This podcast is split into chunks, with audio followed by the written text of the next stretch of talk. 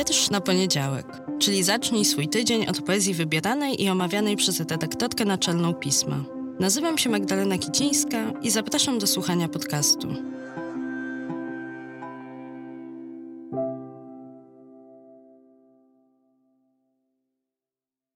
Cykl powstaje we współpracy ze Staromiejskim Domem Kultury.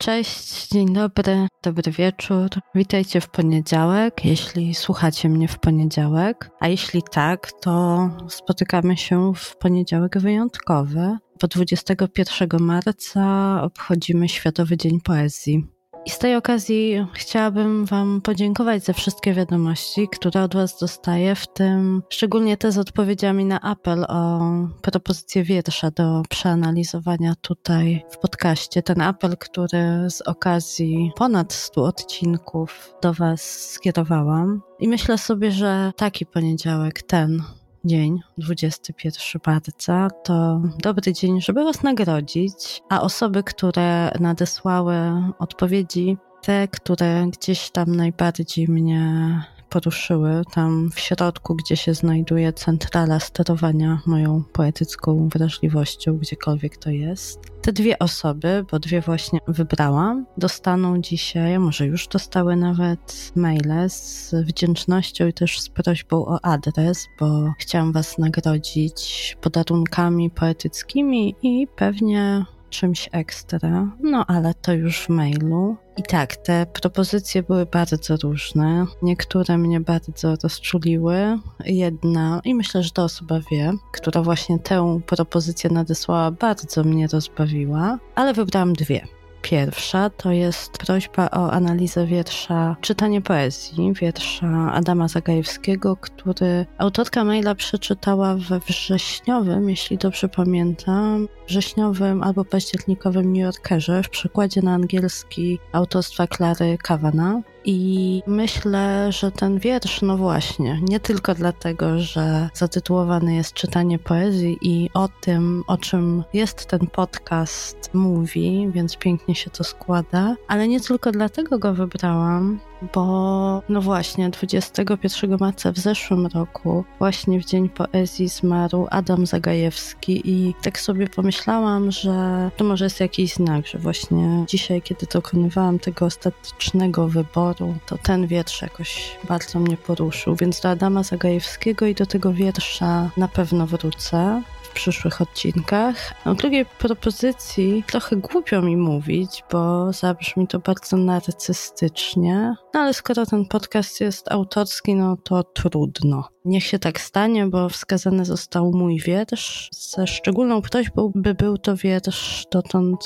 niepublikowany. No tak się składa, że trochę ich mam, więc tak, taki podcast też się wydarzy. Zajmę się jednym i drugim. Obiecuję, że przyjdzie na to czas. Ale żeby się to wydarzyło, musi go trochę upłynąć, bo wojna w Ukrainie, która od ponad trzech tygodni się toczy, zmienia wszystko. I nie wiem jak was, ale mnie ta równoległość życia, tego naszego tutaj, normalnego wobec życia tam, zupełnie przeoranego, mnie wprawia w zakłopotanie, w zdziwienie, w smutek. Czasem mnie napędza do różnych działań pomocowych, a innym znowu razem gdzieś popycha w wyparcie, a jeszcze znowu innym razem w takie zanurzenie się w codzienność, jakbym się nie chciała zachłysnąć, a raczej tym, że ją po prostu mam.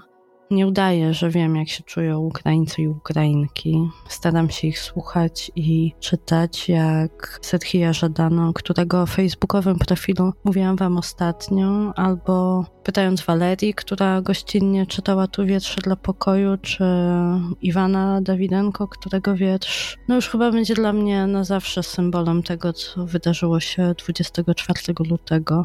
A wy, jak sobie radzicie w tym czasie? Co wam pomaga?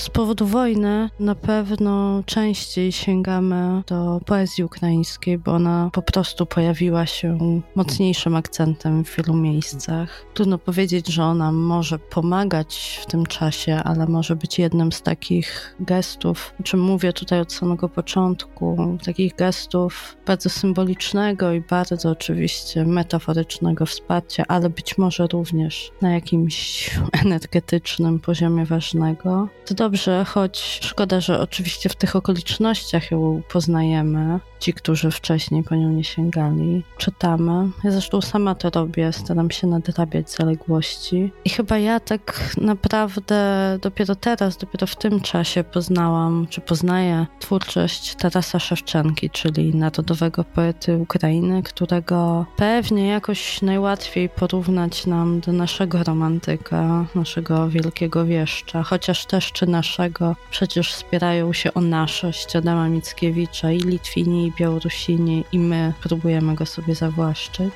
Więc z jednej strony Adam Mickiewicz gdzieś przychodzi na myśl, z drugiej strony w pewnym sensie Tadeusz Kościuszko ze swoją historią walki, w tym walki emancypacji klasowej. I choć te proste analogie pewnie nam pomagają go sobie gdzieś umiejscowić w znanym nam, takim rozpoznawalnym kontekście i tradycji, to jest oczywiście Szewczenko i jego tworzone w języku ukraińskim wiersze zupełnie osobne inny i w tym sensie nieporównywalny, czyli trochę zaprzeczyłam sobie samej próbującej go gdzieś w tym, co mi, co naszej tradycji literackiej bliskie usytuowić. I może to jest nadużycie, że właśnie gdzieś go próbuję w tym, co nasze polskie umieścić, bo przecież on sam i to, co jest centrum jego poezji, to chyba mogę po tych moich pierwszych, głębszych próbach poznania twórczości Szewczenko powiedzieć, to to, że jest ona skoncentrowana wokół wolności, tęsknoty za niej, która się wyraża opiewaniem utraconych ludzi, relacji i miejsc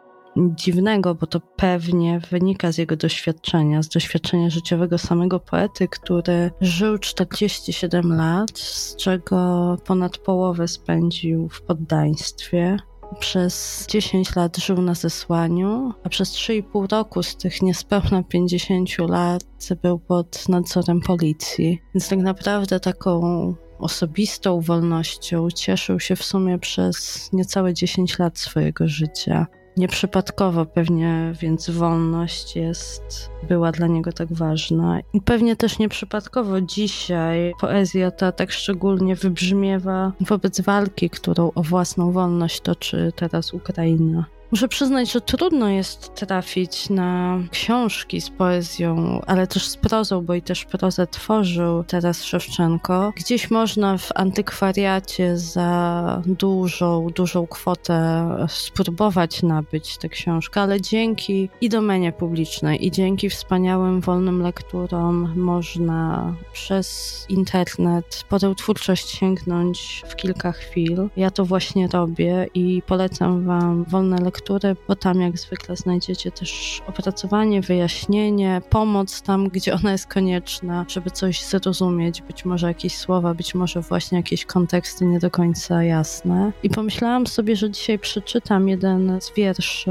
mam nadzieję zachęcając Was do tych własnych poszukiwań dalszych. I to będzie wiersz, który został wydany w tłumaczeniu na polski, został wydany w 1913 roku w Lwowie w wydawnictwie lwowskim nakładem Polskiego Towarzystwa Nakładowego. Wiersze Szewczenki przetłumaczył Sidir Twerdochlib. Ja wybrałam taki wiersz, który jest fragmentem. Wybrałam fragment wiersza, o to jest poprawna kolejność. Wybrałam fragment poematu, urywek z niego, Za górami góry. Mam nadzieję, że też usłyszycie w tej poezji tęsknotę za wolnością i no i właśnie nie wiem, czy romantyczną ukraińską duszę, czy duszę po prostu Tarasa Szewczenko, wyjątkową, osobną, wolną od wszelkich kategorii, łącznie z tymi nieudolnymi, w które ja go dzisiaj, w tym co o nim opowiadam, próbowałam wtłoczyć. Zachęcam Was do tych poszukiwań i do lektury i zapraszam za górami góry. Za górami góry, chmurami spowite, zasiane niedolą, krwi purpurą lite. Prometeja tam od wieków orzeł we krwi pławi, co dzień chciwie targa żebra, serce w szponach dławi. W szponach dławi, lecz nie w chłonie z krwią do swej gardzieli. Serce bije nieustannie, życiem się weseli. Nie umiera dusza nasza, nie umiera wola. Zbir łakomy nie wyorze nad nim morza pola. Nie zakuje ducha żywych, ni żywego słowa, ani skruszy chwały Boga, ani jej nie skowa. Nie nam poczynać z Tobą zwady, z rządzenia sądzić Twoich nieb. Nam jeno płakać, płakać, płakać i chleb, powszedni gorzki chleb, rozczyniać potem krwią i łzami. Patrz, kąty pastwią się nad nami, a prawda krwią upita śpi. Kiedy, kiedyż się ocuci, kiedyż Ty, czuwaniem umęczony, legniesz Boże, kiedyż my powstaniem. Wieczność wierzę Twojej mocy i Twojemu słowu. Wstanie prawda, wstanie wolność, Tobie tylko znowu wszystkie ludy się pokłonią w wiekuiste wieki, a tymczasem łzami płyną, krwią wzbierają rzeki. Cykl powstaje we współpracy ze Staromiejskim Domem Kultury.